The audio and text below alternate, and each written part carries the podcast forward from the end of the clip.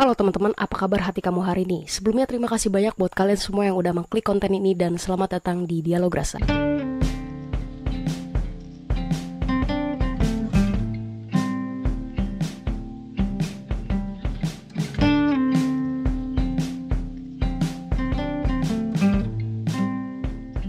Halo buat kalian yang lagi dengerin di Spotify sama Anchor FM dan halo juga buat kalian semua yang lagi nonton di YouTube channel.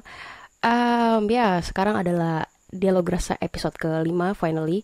Tapi kali ini agak berbeda teman-teman karena um, kemarin ada yang komen di um, salah satu video gua dari um, dari Intan Art. Kata dia, "Kak, coba dong podcast sendirian berdasarkan pengalaman Kakak." Waduh. Um, Oke okay, sebelumnya buat Intan terima kasih banyak udah mampir ke channel saya dan udah apa udah ngedrop komen juga podcast berdasarkan pengalaman sendiri. Oke. Okay. Buat Intan, let's do it. Oke okay, jadi gue bakal nge-share salah satu pengalaman di um, kehidupan gue. Tapi ini um, bukan seputar percintaan karena pengalaman gue yang ini adalah pengalaman yang menurut gue semua orang atau bukan semua orang ya hampir sekitar 75% atau 80% um, orang di seluruh dunia mungkin mengalaminya yaitu tentang broken home. Ya teman-teman gue adalah seorang anak um, yang berlatar belakang sebagai anak broken home. Jadi orang tua gue um, ayah sama bunda gue itu uh, bercerai pada saat gue umur um, mungkin empat tahun atau tiga tahun ya. Pokoknya sebelum gue TK karena um, seingat gue di memori gue pada saat gue TK itu gue udah nggak satu nggak satu tempat tinggal sama ayah sama bunda. Jadi nggak satu rumah sama um, orang tua yang lengkap gitu.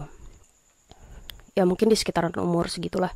Umur tiga atau enggak empat tahun karena seingat gue gue tuh TK uh, eh, dua angkatan ya. Jadi TK 0 besar sama TK 0 kecil. Pada saat itu um, gue nggak ngerti apa-apa. Yang gue tahu gue tinggal sama bokap kalau lagi sekolah um, dan kalau lagi libur gue baru ke rumah nyokap gitu.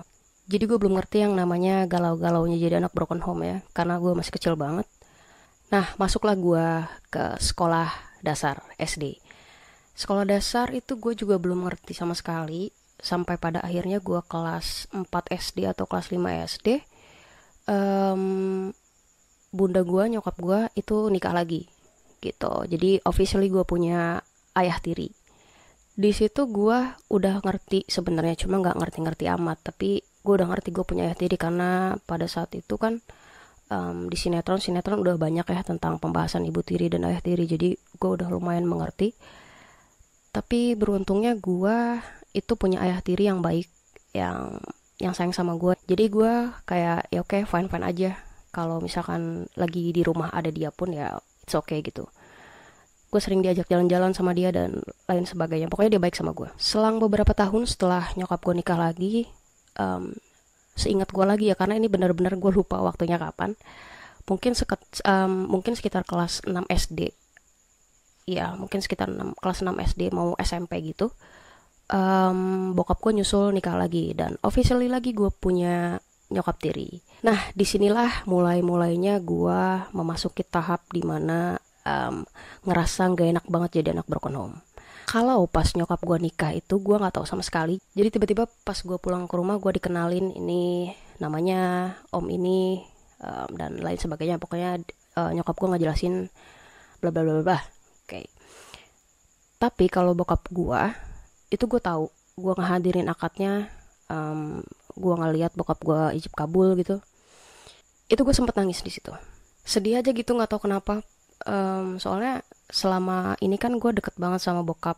Bahkan tidur pun gue sama bokap gitu. Sampai-sampai kalau misalkan pas malam-malam tengah malam bokap gue kan sering keluar gitu sering nongkrong di warung depan. Nah itu tuh kalau misalkan bokap gue lagi um, pergi pokoknya intinya bokap gue nggak di nggak ada di samping gue pada saat gue tidur gue tuh nangis nangis kejer banget sampai akhirnya bokap gue disusulin untuk pulang gitu. Sedekat itu gue sama bokap. Bahkan kalau misalkan gue lagi ngambek ya misalkan lagi apa namanya lagi nangis gitu pengen sesuatu atau lagi ya pokoknya lagi marah sama bokap itu tuh bokap um, malah yang minta maaf sampai nangis nangis sampai meluk gue maafin ayah ya kayak gitu gitu pokoknya gue tuh deket banget sama bokap gue waktu kecil.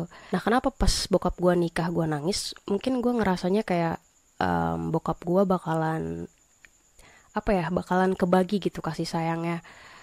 Karena uh, nyokap tiri gue ini um, punya anak juga gitu. Tapi ya ya udah karena hidup terus berjalan ya udahlah gitu. Gue mencoba menerima nah terus um, singkat cerita nyokap tiri gue ini baik ya. Awalnya ya baik awalnya. Kenapa gue bilang baik awalnya?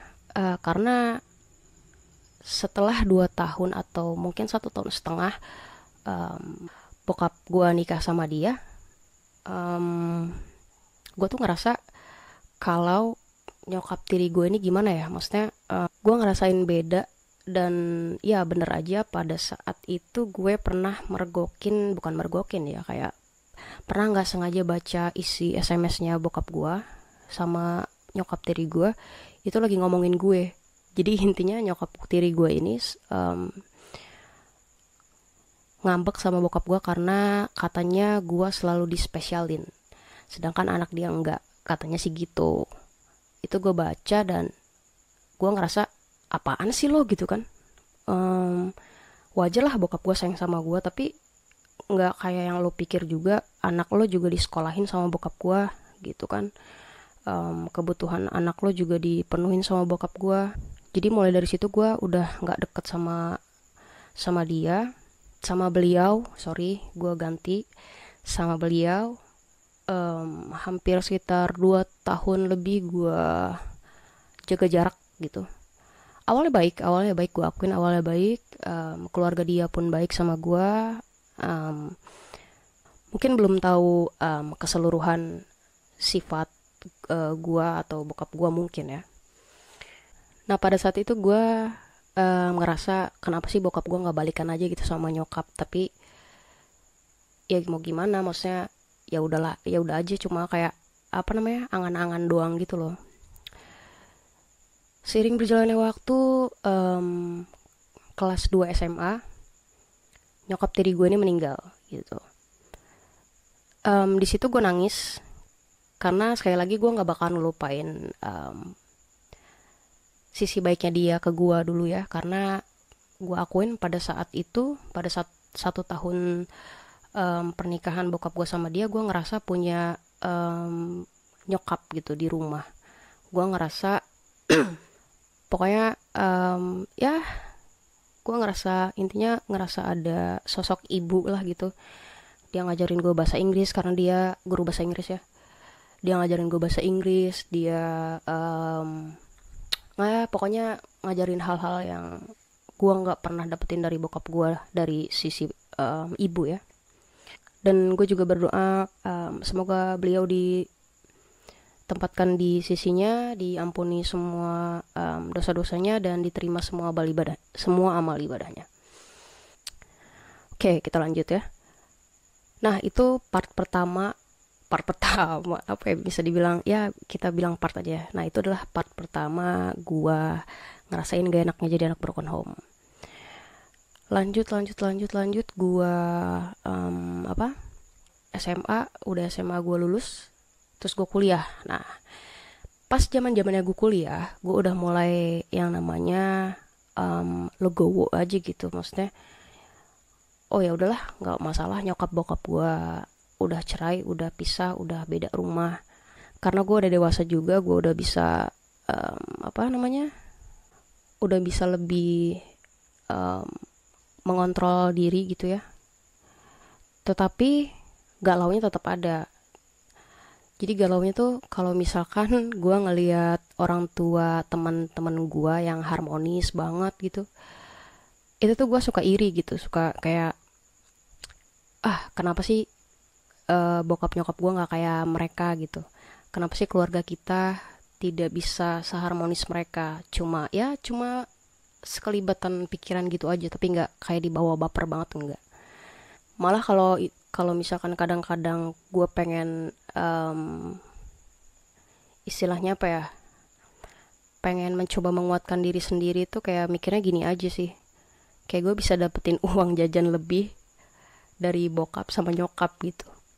Kan kalau misalkan anak-anak yang orang tuanya ada di satu rumah kalau minta uang ke bokap udah nggak bisa minta uang ke nyokap lagi kan biasanya kayak gitu. Nah kalau gue kan bisa minta uang um, ke bokap sama ke nyokap kan tanpa ada harus ada perdebatan di antara mereka berdua jadi gitu kalau misalkan gue uh, mengambil sisi positifnya nah itu galau-galaunya jadi anak broken home di pas zaman zamannya kuliah Um, tapi menurut gue ya, puncak-puncaknya kegalauan yang gue rasain itu adalah pada saat gue masuk dunia kerja. Jadi pas gue kerja, um, gue pindah ke Bandung, ke rumah nyokap gue. Bokap gue kan di Serang. Jadi um, dari kecil sampai pokoknya sampai lulus kuliah gue sama bokap gitu di Serang. Walaupun gak satu rumah gue semenjak SMA itu udah ngekos di Serang. Tapi kan masih masih sering banget ketemu bokap ya karena jaraknya pun gak jauh gitu. Cuma 30 menit mungkin. Nah pas kerja itu gue memutuskan untuk pindah ke Bandung sama nyokap gue. Gue kerja di sana dan um, gue tuh sebenarnya bukan tipikal anak yang deket sama orang tua kayak curhat gitu nggak pernah sama sekali atau kayak SMS atau WhatsApp atau telepon tuh gue jarang banget kayak cuma ada perlu aja gue ngontak orang tua gitu. Nah pada saat um, gue pindah ke Bandung itu gue kan kalau nggak ada urusan apa pun nggak pernah ngontak bokap ya. Tapi nggak tahu kenapa waktu gue di sana bokap gue tiba-tiba nge WhatsApp dan isi WhatsAppnya itu ngebuat gue kayak anjir kok sedih banget ya gitu. Jadi bokap gue tuh nge WhatsApp kayak gini Dinda ke mana aja? Kok nggak pernah ngabarin ayah? kata gitu. Waduh ini ini sedih. Um, ya kenapa nggak pernah ngabarin ayah itu kan. Um, aduh ya. Intinya bokap gue tuh ngerasa kehilangan gue pada saat itu. Padahal gue tuh baru baru pindah berapa lama ya? Sebulan setengah mungkin ya. Ya mungkin itu tadi bokap gue mungkin ngerasa kehilangan gue karena dari kecil kan gue sama dia gitu. Itu gue di situ langsung kayak iya juga ya. Maksudnya um, iya juga ya kok gue nggak pernah ngontek bokap gue gitu kan. Akhirnya gue di situ um, langsung gue telepon bokap gue dan gue ya alasan aja karena gue sibuk dan lain-lain sebagainya lah intinya. Nenangin dia aja gitu. Tapi pas gue pindah ke Bandung pun gue sebenarnya um, gak betah sama sekali ya karena gue nggak punya teman di sana. Eh teman punya cuma nggak nggak sebanyak yang di Serang gitu karena um, sebenarnya circle gue tuh di Serang gitu. Intinya kalau di Bandung tuh apa ya kalau gue mau nongkrong pun ya terbatas. Sedangkan gue hobi banget yang namanya nongkrong ketemu teman-teman itu gue senang banget.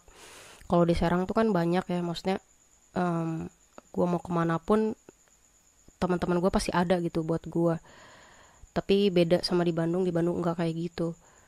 Gue ngerasa mulai nggak betah di sana bukan karena gimana gimana ya gue pas pindah ke Bandung pun senang karena gue sama nyokap gue itu di treat um, sebagai ya layaknya sebagai anak gitu anak dan anak dan ibu yang nggak pernah gue dapetin selama ini dari nyokap gue gitu. Kalau liburan kalau liburan doang kan ya ya cuma kayak gitu-gitu aja biasa. Cuma kalau yang ini gue kayak disi kayak disiapin sarapan sebelum kerja terus kayak kadang gue baju dicuciin kadang disetrikain gitu.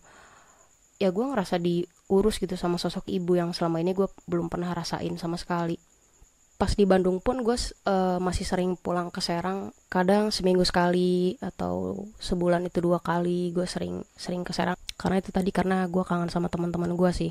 Nah gue tinggal sama nyokap kerja di Bandung itu cuma bertahan sampai tiga bulan. Jadi um, pas tiga bulan itu gue memutuskan untuk pulang lagi ke Serang tapi dengan tidak memberitahu nyokap. Jadi gini gue tuh pulang ke Serang gue bawa semua baju-baju gue tapi gue nggak bilang sama nyokap kalau gue bakalan pindah lagi ke Serang. Gue cuma bilang eh gue cuma bilang gue mau ke Serang gitu. Dan nyokap gue taunya ya kayak biasa aja gitu gue ke Serang terus pulang lagi. Tapi nyokap gue nggak sadar kalau gue bawa baju. Jadi di lemari itu udah kosong. Nyokap gue nggak sadar sama sekali. Nah dapat dua hari gue di Serang nyokap gue baru sadar kalau baju-baju gue tuh udah nggak ada di lemari. Nah dia WhatsApp gue lah Dida kok baju-bajunya udah nggak ada kata gitu kan. Um, kalau kayak gitu nggak mau deh bunda kata gitu kan. Nah ini juga ini juga sedih teman-teman. Sedih banget maksudnya. Nah di sinilah teman-teman gue galaunya. Jadi gue tuh kok kayak kayak baru ngerasain yang namanya gue galau harus milih ikut siapa ya. Sedangkan um, dari S eh sedangkan dari TK sampai gue kuliah tuh gue nggak ada galau-galaunya sama sekali ten tentang masalah ini gitu. Biasanya kan um, SMP atau SMA-an lah ya kalau misalkan kita bisa bisa ngitung fasenya. Nah ini gue fase fase galau harus eh nah ini gue fase galau mau ikut siapanya tuh malah gue pas dewasa gitu pas sudah kerja. Ya gitu nyokap gue um, WhatsApp kayak gitu dan gue jelasin aja gitu. Di Bandung itu gue nggak bisa apa ya nggak bisa jadi diri gue yang sepenuhnya gitu. Gue nggak bisa ber apa berekspresi seperti gue di Serang gitu. Banyak teman dan lain sebagainya dan terlebih gaji di sana itu kecil teman-teman. Jadi UMR kota Bandung pada saat itu 2000 berapa ya? Itu cuma 2,3 kalau gua nggak salah. Inget ya? Itu cuma 2,3 um, pokoknya di bawah 2,5 deh di Bandung. Itu tuh nggak masuk banget kalau gue hitung ya sama ongkos um, ke kantor sama belum nanti gue makan siang belum nanti gue um, kadang main juga. Itu tuh kayaknya nggak cukup banget gitu. Kalau misalkan di Serang gue bisa um, apa ya gue bisa ngasilin uang lebih dari itu. Karena karena dari zaman kuliah gue udah emang udah um, udah bisnis lah di Serang gitu. Kayaknya kalau di Serang gue bisa lebih berkembang gitu. Akhirnya gue jelasin seperti itu ke nyokap dan ya nyokap ngerti. Tapi di situ gue kayak um, ya apa ya kayak masih galau aja gitu maksudnya. Kok kedua orang tua gue jadi rebutan gue gitu. Ya walaupun sebenarnya sebelum mereka bercerai pun udah ngerebutin gue sih udah ngerebutin hak asuh gue gitu. Tapi kan gue baru ngertinya pas pas udah dewasa aja gitu.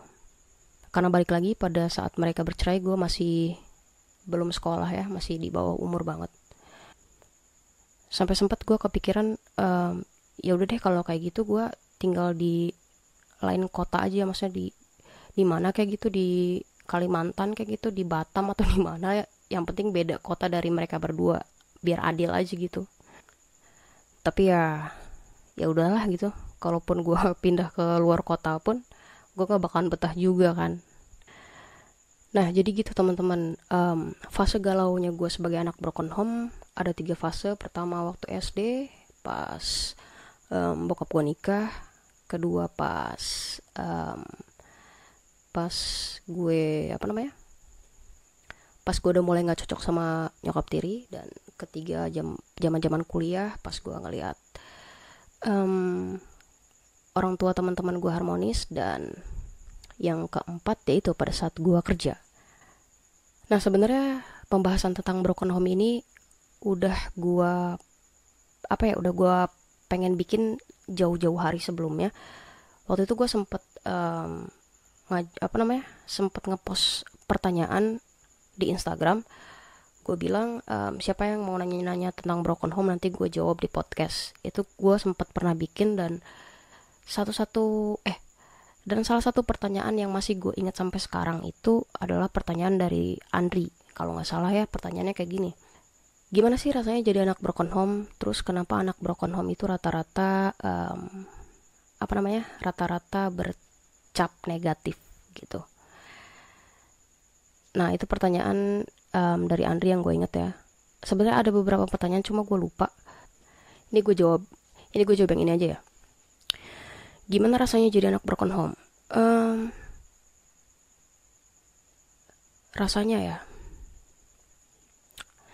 Rasanya um, kadang sedih kadang bodoh amat ya. Ya gitu kalau gue ya. Soalnya kan um, setiap anak broken home itu berbeda-beda case berbeda-beda kasus gitu. Ada yang emang um, berat banget ngejalaninnya. Soalnya gini teman-teman gue adalah anak broken home yang menurut gue gue beruntung. Kenapa? Karena pada saat orang tua gue bercerai gue itu nggak ngerti sama sekali. Mereka kenapa? Um, gue nggak ngedengerin mereka berantem gue nggak melihat mereka cekcok gitu. Jadi gue nggak punya yang namanya trauma tersendiri tentang perceraian. Berbeda dengan anak-anak yang emang udah mengerti terus mereka melihat langsung atau bahkan mungkin ada yang sampai KDRT dan lain sebagainya dia lihat langsung dengan mata kepala mereka sendiri itu mungkin menurutku lebih berat ya. Karena itu bakalan ngebekas banget sampai dia nanti dewasa sampai nikah sampai ya pokoknya itu bakalan ngebekas nggak bakalan hilang gitu. Kalau gue itu gue nggak sama sekali. Jadi kalau gue rasanya gitu kadang sedih kadang bodo amat gitu pertanyaan kedua kenapa anak-anak broken home itu dicapnya negatif? Jadi gini menurut menurut gue ya anak broken home itu punya psikologis itu yang enggak um, yang enggak seimbang gitu. Psikologis mereka itu gini nih goyang. Terkadang kalau misalkan ada sesuatu hal yang membuat dia merasa nyaman gitu tentang apa pun itu tentang yang positif apa negatif dia langsung ikutin gitu. Dia langsung ikutin tanpa mikir panjang nggak tahu kenapa gue juga seperti itu. Nggak tahu kenapa maksudnya intinya dia tidak bisa berpikir panjang kalau melakukan sesuatu. Gitu teman-teman. Tapi ya gimana orangnya sih kalau misalkan orangnya bertekad eh bertekad apa sih? Kalau orangnya berjiwa berjiwa apa ya? Berjiwa tangguh. Ya pokoknya intinya kalau orang itu bisa menahan diri ya menurut gue keren sih gitu. Karena gue gua ini um, waktu zaman zaman SMP ya kalau misalkan kalian semua yang nonton teman SMP gue pasti tahu gue nih orangnya um, gampang banget ribut sama orang gitu. Jadi ya ya gitulah intinya. Kalau anak broken home istilah apa um, psikologisnya dia nggak stabil. Menurut gue sih itu oh ya gue ketinggalan satu um, satu cerita jadi waktu itu gue lagi bongkar-bongkar lemari nemu salah eh nemu buku yang isinya catatan-catatan bokap gue. Nah, di antara catatan-catatan itu ada satu yang membuat gue nangis kejer banget. Um, gue bacain ya isinya apaan. Aku tak habis pikir, kenapa begitu teganya kamu ambil keputusan yang sangat-sangat menyakitkan dan menghancurkan segala harapan dan cita-citaku. Sebetulnya, seberapa besar atas salahku sehingga keputusanmu tak dapat dirubah. Padahal, aku sungguh sayang bahkan lebih dari itu.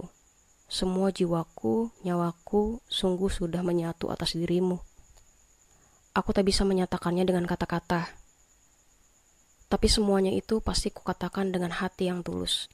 Bahwa aku masih berharap walau secuil harapan. Semoga ada kepastian kembali. Sungguh terlalu berat buat aku menerima kenyataan ini, karena aku tak berharap demikian.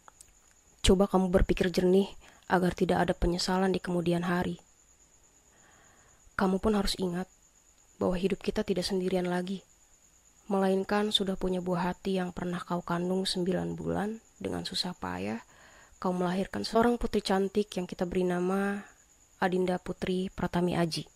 Jangan kita korbankan si buah hati dia masih kecil, bahkan terlalu cepat untuk dipisahkan. Dinda butuh kasih sayang kita. Ya. Ya, itu adalah catatan bokap gue yang yang menurut gue paling apa ya paling paling nggak bisa gue lupain seumur hidup gue gitu. Dan dari catatan itu pun gue ngerasa bahwa um, hobi gue bikin puisi itu dari bokap gue turunnya gitu. Karena tadi kalian bisa dengar sendiri kata-kata bokap gue tuh keren banget gitu. Puitis banget gitu. Ya um, buat Intan seperti itulah pengalaman hidup saya sekali lagi bukan tentang percintaan karena menurut gue cerita ini mungkin bisa jadi apa ya bisa jadi salah satu pembelajaran buat semua yang mungkin sekarang lagi ada di fase um, galau-galaunya gitu atau lagi ada di fase orang tuanya hampir mau bercerai dan lain sebagainya. Karena ada beberapa teman gue yang kontak gue sengaja buat um, nanya-nanya tentang ini gitu. Karena ternyata orang tua mereka bercerai.